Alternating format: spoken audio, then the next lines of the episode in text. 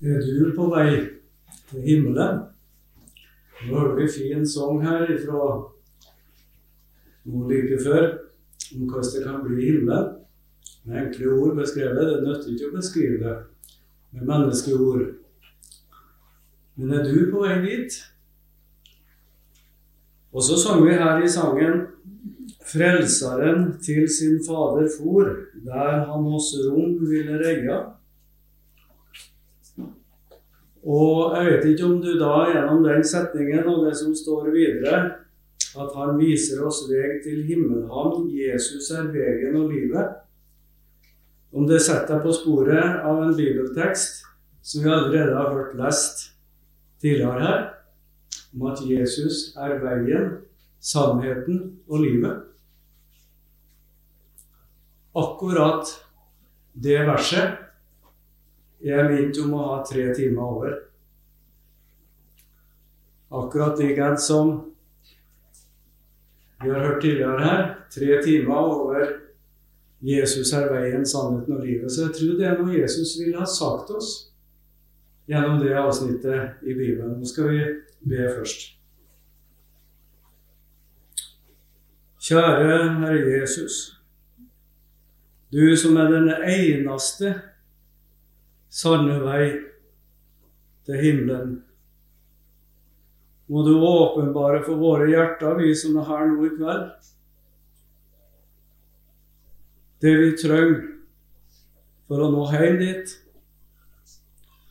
Se i nåde til oss, Jesus. Berg oss, så vi ikke blir stående igjen med en stengt himmel. Kjære Jesus, om du kunne gi oss en nådestund for dine føtter, enten det måtte bli vondt eller godt å høre på. Nå må du gi meg de ord som jeg trenger å gå med i kveld. Amen. Så fikk vi òg en eh, innledning gjennom forrige time i ettermiddag til det som jeg har tenkt å, å si litt om før vi leser teksten fra Johannesevangeliet, fra det 14. kapittelet. Nemlig det her med å ha frykt. Og det verset fra eh, Jesaja-boka, kapittel 66 og vers 2, som det ble avslutta med i forrige time, det var akkurat det jeg ble minnet om å ta fram først i denne timen. Ikke underlig hvordan det. Vi har ikke snakka sammen på forhånd. Bjørn og jeg. Frykter du? Det er mange slags frykt beskrevet i Bibelen. Og vi vet at det er noe som heter menneskefrykt, gudsfrykt, eh, ærefrykt for Gud.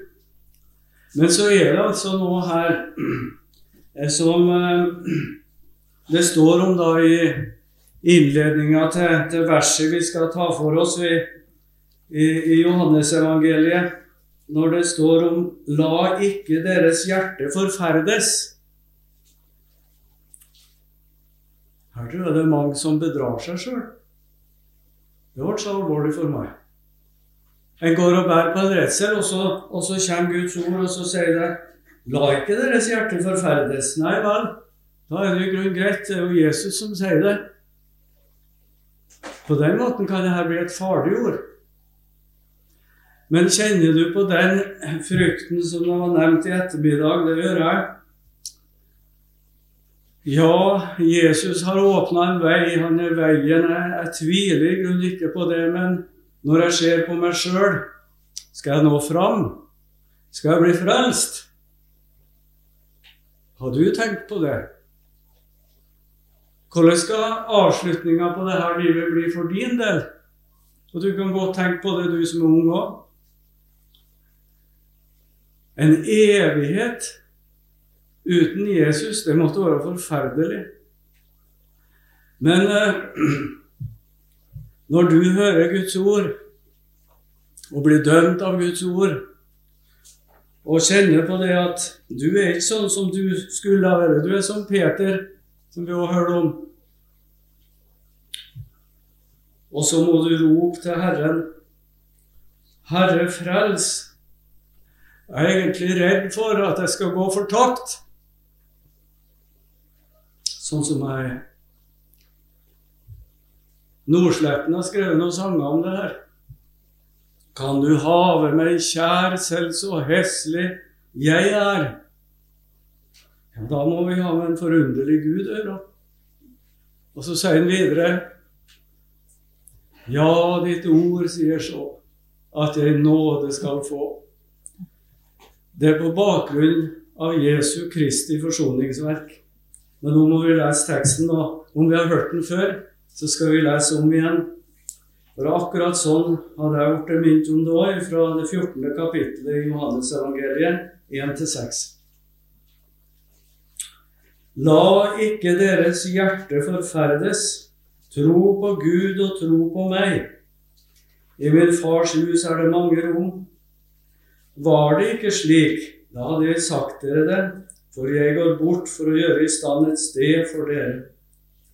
Og når jeg er gått bort og har gjort i stand et sted for dere, kommer jeg igjen og skal ta dere til meg, for at også dere skal være der jeg er og dit jeg går, vet dere veien? Thomas sier til ham, Herre, vi vet ikke hvor du går hen. Hvordan kan vi da vite veien? Jesus sier til ham, Jeg er veien og sannheten og livet. Ingen kommer til Faderen uten ved meg. Dit jeg går, vet dere veien, sa Jesus. Er det noe vi ikke veit? Er det noe vi ikke kjenner og forstår oss på, så er det nettopp det veien til Gud. Det må åpenbares. Jeg kjenner meg i slekt med disippelen her når han kommer og sier 'Vis oss veien'. Ja, vi trenger at Jesus viser oss veien ut ifra Guds ord, Guds eget ord, så vi ikke bedrar oss sjøl. For et menneske kan ikke vite og kjenne denne veien av seg sjøl. Det er det som er saken. Herre, vi vet ikke veien. Vi vet ikke hvor du går hen. Hvordan kan vi da vite veien?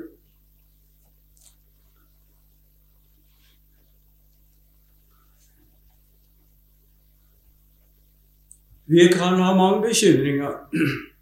Og eh, dere som eh, er med som ledere her. Jeg vet ikke, det kan hende at dere har den bekymring man tror om det blir noen folk som melder seg på stevne her på Laberget i år. Hvor mange blir det, mon tro? Men ei større bekymring enn det, det er spørsmålet man tror om Jesus kommer. Tror han kommer og taler til oss for å være sammen med oss? Det er jo et viktig spørsmål. Men man tror om ikke det største spørsmålet likevel, og den største bekymring er den skal jeg, skal du nå hjem til himmelen? Skal jeg og du få komme hjem dit der det er noen av våre kjære som har gått foran? Du har kanskje noen sånne kjære som har gått foran. Og så lengter du etter å nå dit, ikke bare for å treffe dem, men for å være i lag med dem og dele den glede som det da er å ha fått komme hjem og stå for Jesus og møte Han som vi har hørt om, som vi har lest om, som vi har sunget om. Hvordan skal det bli?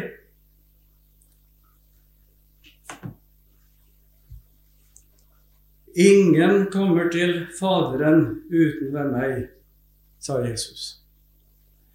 Og når det blir sagt til deg og meg, så, så blir det med ja, å ta imot en sånn setning med viss beven og frykt. Ingen kommer til Faderen uten med meg. Absolutt ingen. Og når du da kjenner deg sjøl og vet hvordan du sjøl er, ja, hvordan skal det gå? Kan jeg bli viss på det? At jeg hører Jesus det? er Jo, det er mye i Bibelen som taler om vissheten i Jesus Kristus. Men til tross for den, iallfall her er det sånn, så kommer den tanken, dess gamlere en blir, ja, men hvordan skal utgangen og inngangen bli da, Ingar?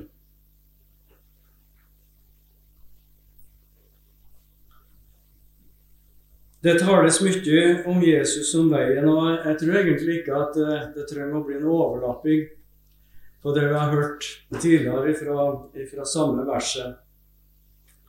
Nå skal vi ta med oss et ord fra Matteusevangeliet 7, eh, de to versene 13-14. Vi skal, skal, bla litt i Bibelen og, og ta med noen få eh, bibelvers som kaster lys over det her for oss.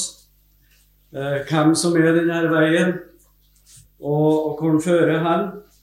Og, og, hvem det er som finner denne veien, og på hvilken måte en kan, kan, finne Jesus til frelse.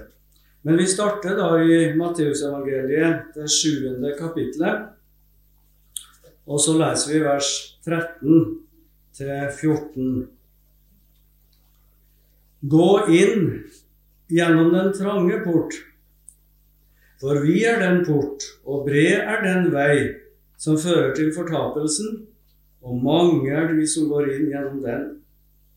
For trang er den port, og smal er den vei som fører til livet, og få er de som finner den. Ja, når vi møter et sånt ord Jeg vet ikke hvordan det er med deg, men jeg må stanse opp og så tenke. Ja, hvordan er det da mulig for meg? Saken er den at det er umulig. Og det er nettopp det Jesus vil minne oss om. At den veien, den måten vi tenker vi skal finne en nådig Gud på, den er stengt. For Jesus er veien. Det er bare Han som er veien. Gå inn gjennom den trange port, for vi er den port, og bred er den vei som fører til fortapelsen, leste. Mange er de som går inn gjennom den. Jeg har hørt om den rike, hvis jeg er unge mann, som var nevnt her tidligere, og vet ikke hvor gammel han var. Det var over evne. Men tenk om en hadde gitt seg til der hos Jesus og innrømt det. Det er over evne for meg. Trang er den port, og smal er den vei som fører til livet, og få er de som finner den. Det er underlig å tenke på. Hvorfor er det sånn? Jo, jeg er så vidt nevnt, det er umulig for oss. Men Jesus vil vise oss at han har åpna veien. Han er veien. Vi må lese litt mer om det. Men først det må ryddes vei for Jesus inn i våre hjerter. Eh, akkurat lik en som eh, døperen Johannes. Han måtte rydde vei for Jesus. Vi skulle jo tro det, ikke sant, at når Jesus kom her til jord, så, så var det klappa og klart. Det var jo mye nød og elendighet i Israel den gangen. De var okkupert av en fremmed makt. Da.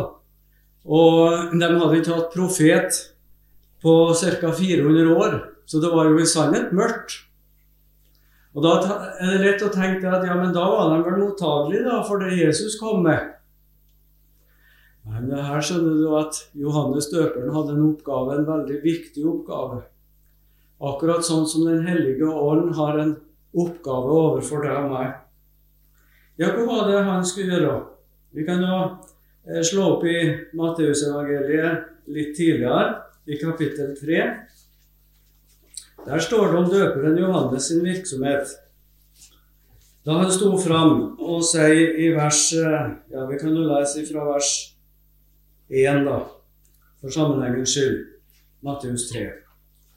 I de dager sto døperen Johannes fram og forkynte Judeas ørken.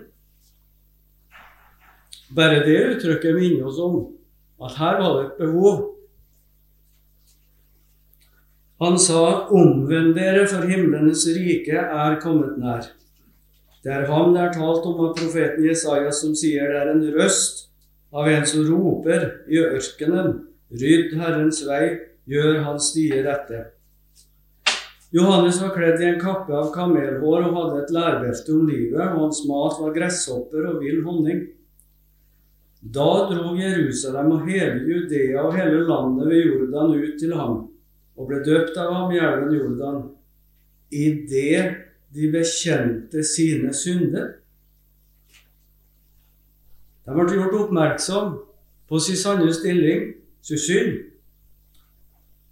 Og så står det men da han fikk se mange fariseere og sadukere komme til han stopp, det uttrykket der, det innebærer at de, de, kom egentlig ikke for å bli døpt, men de kom for å undersøke, eh, orientere seg hvor er det her nå? Hvilken type vekkelse er det her som vi hører om? Så kom de ned fra Jerusalem for å undersøke det. Og så sier Jesus til dem, ormeyngel Eh, og gjennom profeten Jesaja, nei, gjennom eh, eh, Johannes døperen da først. Jesus han bar fram det samme budskapet. Ormyngel. Hvem lærte dere å flykte fra den kommende vrede? Så bær da frukt som er omvendelsen verdig. Og tro ikke at dere kan si ved dere selv vi har Abraham til far, for jeg sier dere, Gud kan oppvekke barn for Abraham av disse steinene. Øksen ligger allerede ved roten av trærne. Tro vi stanser der. Hvordan hadde vi reagert i dag om det har kommet en, eh, en forkynner og, og hamrer løs med det? Kanskje ikke rett å bruke det uttrykket, men når Den hellige ånd kommer og sier 'omvend dere', for himlenes rike er kommet nær. Øksen ligger allerede ved roten av trærne. Bær da frukt som er omvendelsen verdig. Ja, Vi kan jo undres har det kommet noe mye folk for å høre det. Men her var profeten, døperen Johannes, sendt av Gud som en røst i ørkenen. En underlig framtoning av en kar, men han hadde vært ut i ødemarken alene sammen med, med Herren, og så hadde han fått budskapet. Og så stakk det rett inn i samvittigheten, sånn som Guds ord gjør. Og så var det mange som bøyde seg for det. Så ble de døpt. Men det var noen her som vi leste om, som bare var kommet for å undersøke. Øksen ligger allerede ved roten av trærne. Hvorfor tror du det at Johannes skulle ha denne oppgaven? Jo, én ting er det nemlig at det kan bli mørkt. Det kan jo bli på forskjellig vis både inni oss og rundt oss, og vi klager ofte over det. Men noe helt annet er det når Den hellige ånd får tar til ditt og mitt hjerte og får sagt oss at du er egentlig fortapt, sånn som du er. Det er ferdig med det. Du har ikke fortjent noe annet enn å bli kasta i fortapelsen. Har du opplevd det, du? Jeg har opplevd det. Det ble den store død. Det er den trange porten som vi har lest om. For da må du innrømme jeg er fortapt. Det er ikke håp. Ja, men du Ingar, du var jo så perfekt. Jo visst. Jeg var en av de største fariseere.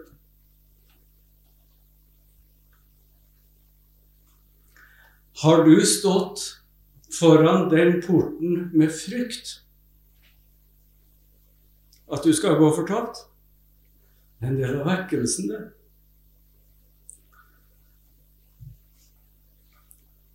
Det var Johannes sin oppgave og så er det sånn at når du får en testoppa munn, så skjer én og to ting. Enten så begynner du å rope 'Herre, frels', eller så rømmer du unna. Må ikke du begi deg ut på det at du rømmer unna når Gud taler til deg. Men måtte du jo bli stående, sånn som, samarit, nei, sånn som kvinna som har grepet i hor. Hun ble stående der og ribba avslørt, hørte vi. Men hun sto der uten å rømme unna. Ja, nå vet vi egentlig ikke hvordan det gikk med henne, for det står ikke noe om det. Det står bare 'synd, ikke mer'. Men eh, når Guds ord møter deg på denne måten, og hvis ikke du gir Gud rett, så går det ille. Jeg har lyst til å ta fram et eksempel fra Det gamle testamentet. En kar som sto lenge imot, og vi kjenner ham så vel. og vi, vi kjenner oss igjen i beretninga av Jakob, patriarken. Men nå skal du høre, vi slår opp først i Første Mosebok 29. Og Der leser vi det første verset. Har du lagt merke til hva som står der? Nå var altså Jakob på flukt. Han hadde jo bedratt bror sin Esau. Han har prøvd å tilrane seg Herrens velsignelse og arveretten. Men merk deg, det var han sjøl som prøvde på det. For hans bestefar og hans far, Abraham og Isak, de hadde jo fått en veldig velsignelse av Herren. dem. Og Jakob han ønska så eh, sterkt han å få del i det her, og han prøvde på alle mulige vis for å få tak i den. Og Derfor så lurte han bror sin. Men eh, for å gjøre den beretninga kort, så står det altså da i det 29. kapittelet, vers 1 Og Jakob gav seg igjen på vei og kom til Østens barns land. Nå var han på flukt, for han var redd bror sin. Og under skinn av at han skulle finne seg ei hustru i Mesopotamia så la han ut på denne reisa. Men egentlig så står det her i vers 1 Jakob gav seg igjen på sin egen vei. Det var hans egen vei. Han var på flukt. Og i eh, første Mosebok 28, altså kapittelet forut, vers 20 så ser du hvordan kar han Jakob var. Han som var en bedrager, som det blir sagt, ikke sant? Ser du der i, i vers 23 Nei, unnskyld. Det var i, i vers 20. 28-20. Der står det Jakob gjorde et løfte og sa så nå sto han overfor Gud. Gud hadde åpenbart seg han. Han har sett himmelstigen, og da ble han redd, står det. Han sier i vers 17 de ble grepet av frykt. Ikke den frykten som vi nå vært inne på, om han tror jeg skal nå det skjønne land, men han ble grepet av frykt fordi at han ikke hadde rett med Gud. Han har ennå ikke kommet inn på den veien. Og så sa han, og hvor forferdelig er ikke dette sted? Her er sannelig Guds hus, her er himmelens port. Han må kommet fram til den porten, han. Så var det stengt, og så var han redd. Og hva gjorde han da, i vers 20? Jakob gjorde et løfte og sa Legg merke til hva han sier. Dersom Gud vil være med meg og bevare meg på denne min ferd og vil gi meg brød å ete og klær til å kle meg med, og jeg kommer tilbake til min fars hus i fred, så skal Herren være min, altså personlige Gud. Ser du hvor det her dreier seg om? Det er akkurat sånn som du og jeg er av naturen, og som vi så ofte tenker på denne måten. Dersom du, Gud, gjør oss sånn og sånn. Dersom du kanskje åpenbarer deg på en spesiell måte sånn, ja, da skal jeg tro på det. Dersom du vil, vil være med og gi meg et, et rikt liv, Gud, så, så, kan du lite på det at jeg skal, skal gi meg over til deg, og så, og så kan du få bruke meg i din tjeneste. En slags fredsforhandling med Gud. Det blir snakk om å gi og ta. Sånn som når nasjoner har vært i krig, ikke sant? og så skal de prøve å få til fred etterpå, og så setter de seg ved bordet, og så, så blir det å, å, gi og ta litt. Rann. Det var det Jakob prøvde på. Og så skal vi se i det 32. kapitlet i første Mosebok, vers 10. Eh, nå hadde han da brutt opp ifra Laban og huset der han hadde tjent nå i 20 år, eh, og stjal seg av gårde. Og så hadde han fått hørt rykte om at Esau kom imot ham med 400 mann, og da var han jo redd. Meget forferdet, står det i vers 7. Og så står det i vers 9, vi må ta med det, og Jakob sa, min far Abrahams Gud, og min far Isaks Gud, han var fullt klar over det, at bestefar og far de hadde rette kjennskap til Gud. Han tar ikke seg sjøl med her enda.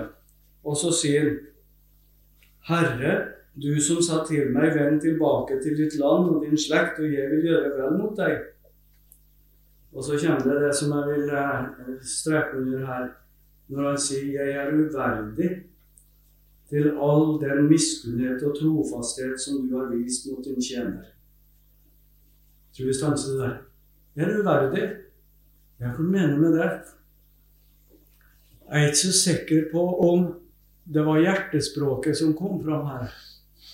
For enda så var han på denne veien at han drev med forhandlinger med Gud, og så skulle han på en måte blidgjøre Gud med å si ja, men jeg er jo uverdig, Gud, det vet du òg. Men hvis ikke bekjennelser er heil og full, så er det en falsk bekjennelse. Det står videre her at det var natt. Og det har jo to betydninger i alle fall.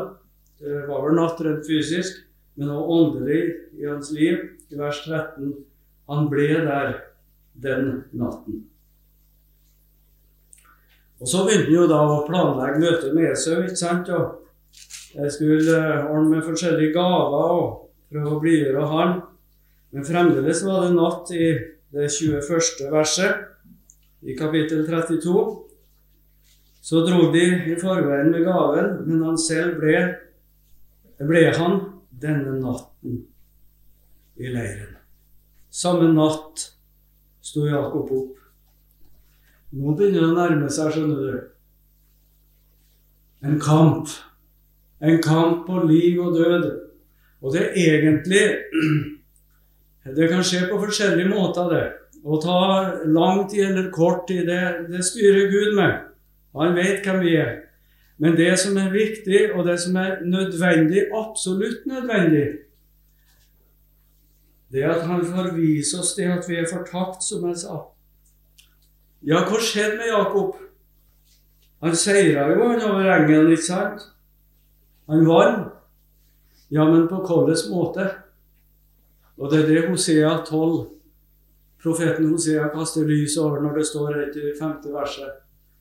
Forklarer hva som skjedde med Jakob. Han gråt og ba om nåde. Det var på den måten. Jeg har nevnt det som illustrasjon mange ganger i, i talene mine.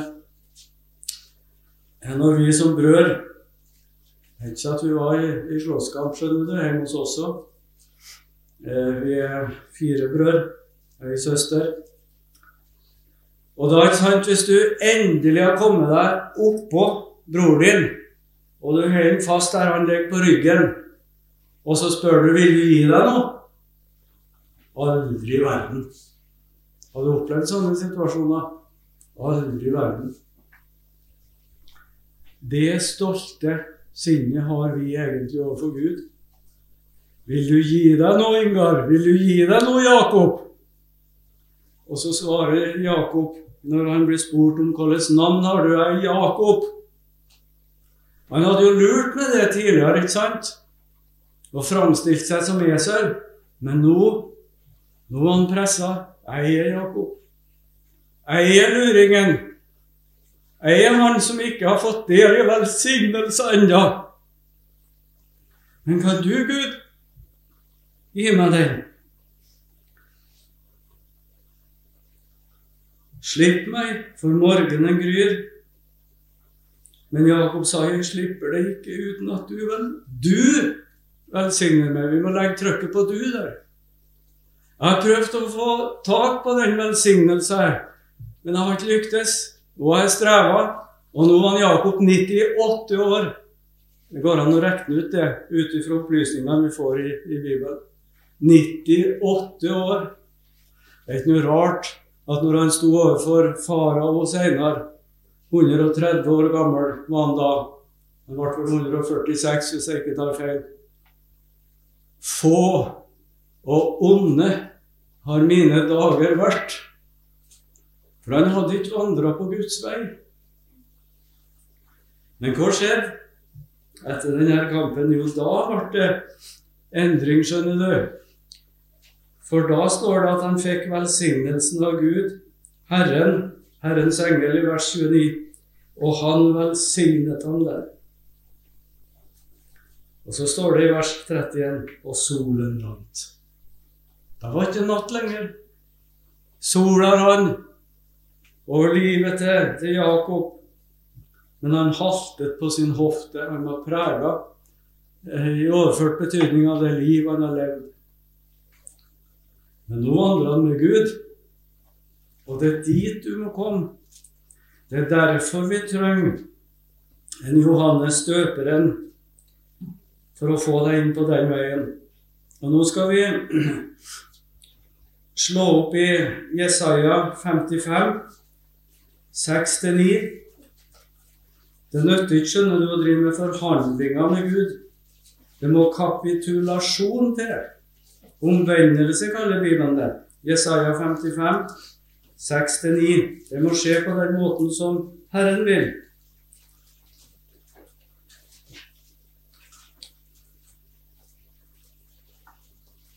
Søk Herren mens han er å finne, kall på ham den stund han er nær. Den ugudelige må forlate, legg merke til, sin vei. Og den urettferdige sine tanker, og omvende seg til Herren. Så skal han forbarme seg over ham og til vår Gud. Og så kommer det så fint. For han vil gjerne forlate alt.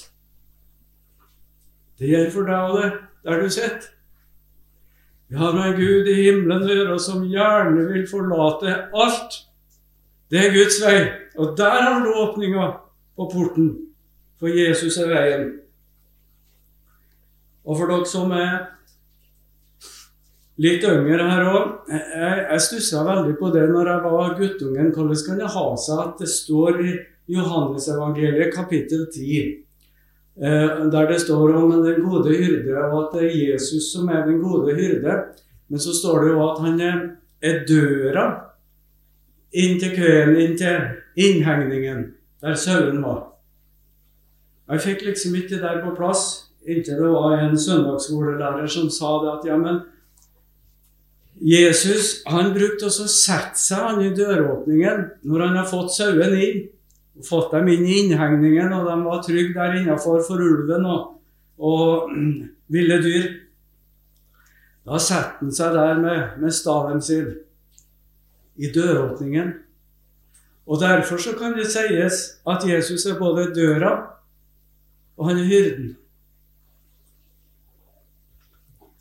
Han er døra, og så går det ikke an å hoppe over fra utsida og lure seg inn. Du må gå gjennom Jesus.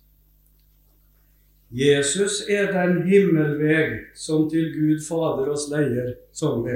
Den fine sangen av Elias Blix. Den er så glad i. Det er Han som er veien. Du kommer ikke utenom den. Og litt mer i Hebrebrevet. Vi skal slå opp der òg. Det blir noen, eh, mot slutten av talen her noen eh, bibelvers vi må ha med oss. For det, det er så rikt å lese i Guds ord, og så, og så lett de her ordene taler akkurat sånn som de, de, kan gjøre det. Jeg kan jo si mye her fra talerstolen her, men jeg kan ikke måle meg med det som står i Guds ord. Om en eh, aldri så talefør, så, så er det noe spesielt med Guds ord. Og det har jeg lyst til å si en, en parentes. Det er like viktig for deg. Når du leser ungdom Du kan godt lese gode kommentarer. Du kan lese gode, oppbyggelige bøker, men ikke glem å lese i Bibelen, først og sist. Ta fram Guds ord og les. For du skjønner at det er inspirert av Gud på en spesiell måte. Og da kan Jesus bringes inn i hjertet ditt der du sitter og leser, eller du hører.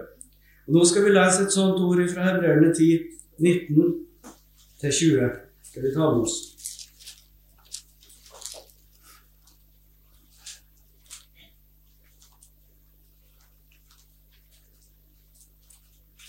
Der står det sånn Brødre, vi har altså i Jesu blod frimodighet til å gå inn i helligdom. Er døra. Til den har han innviet for oss en ny og levende vei gjennom forhenget. Det er kjører. Og vi har en stor prest over Guds hus, så la oss da tre frem med sannferdig hjerte, uten å legge skjul på noe. Ærlig og oppriktig overfor Gud. Med et sannferdig hjerte, i troens fulle visshet. Med hjertet renset fra en ond samvittighet, og med legemet badet i rent vann. Ja, det er veien der, skjønner du. Det er Jesus, og det han har gjort. Og det vil han åpenbare for ditt hjerte. Tenk, han har innvia for oss en levende vei gjennom forhenget. Så la oss tre frem med sannferdig hjerte i troens fulle visshet, med hjertet renset fra noen samvittighet. Å, for et under! Sånn behandler han den som kommer, med legeme badet i rent vann. Og så må vi ha med fra Salme 25, vers 8. Da går vi tilbake i Bibelen vår til Det gamle testamentet. Salme 25.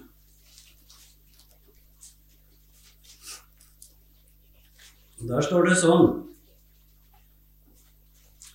Herren er god og rettvis.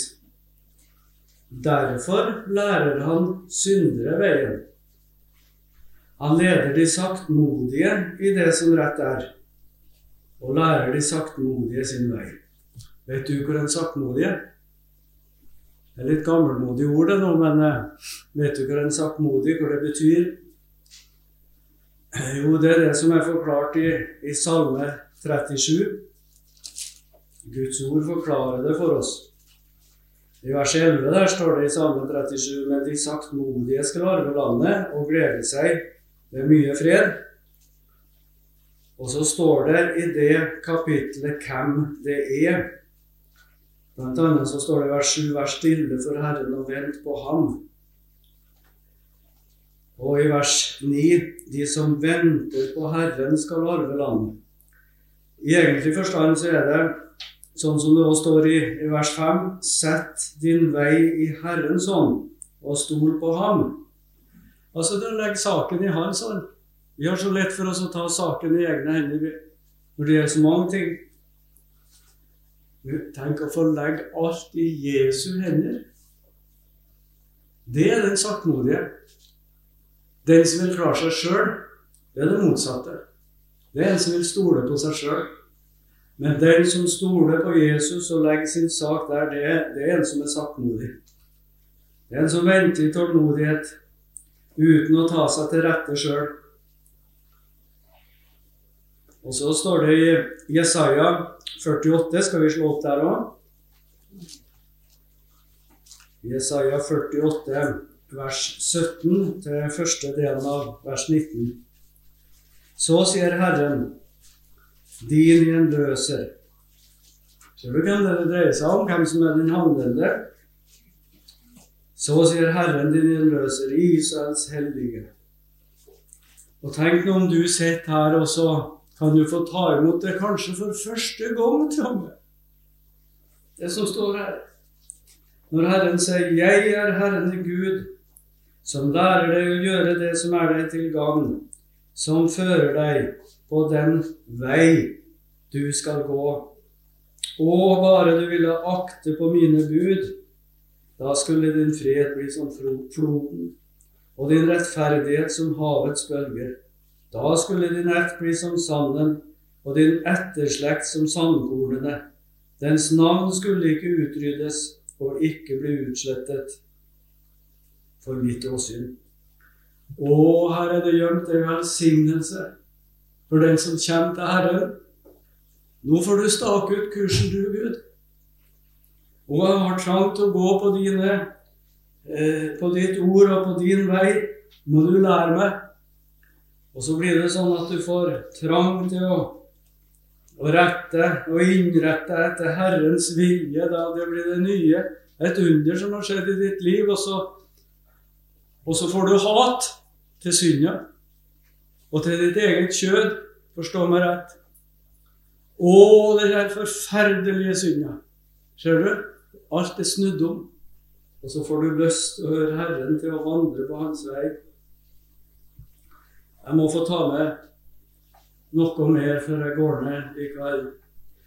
Det er en annen ting som skjer på denne veien, som vi kanskje bør nevne. Og For å si det kort, så kan vi oppsummere det i Hebreerne 12. For den Herren elsker, den tukter han. Jeg kom over en sang fra sangboka 428.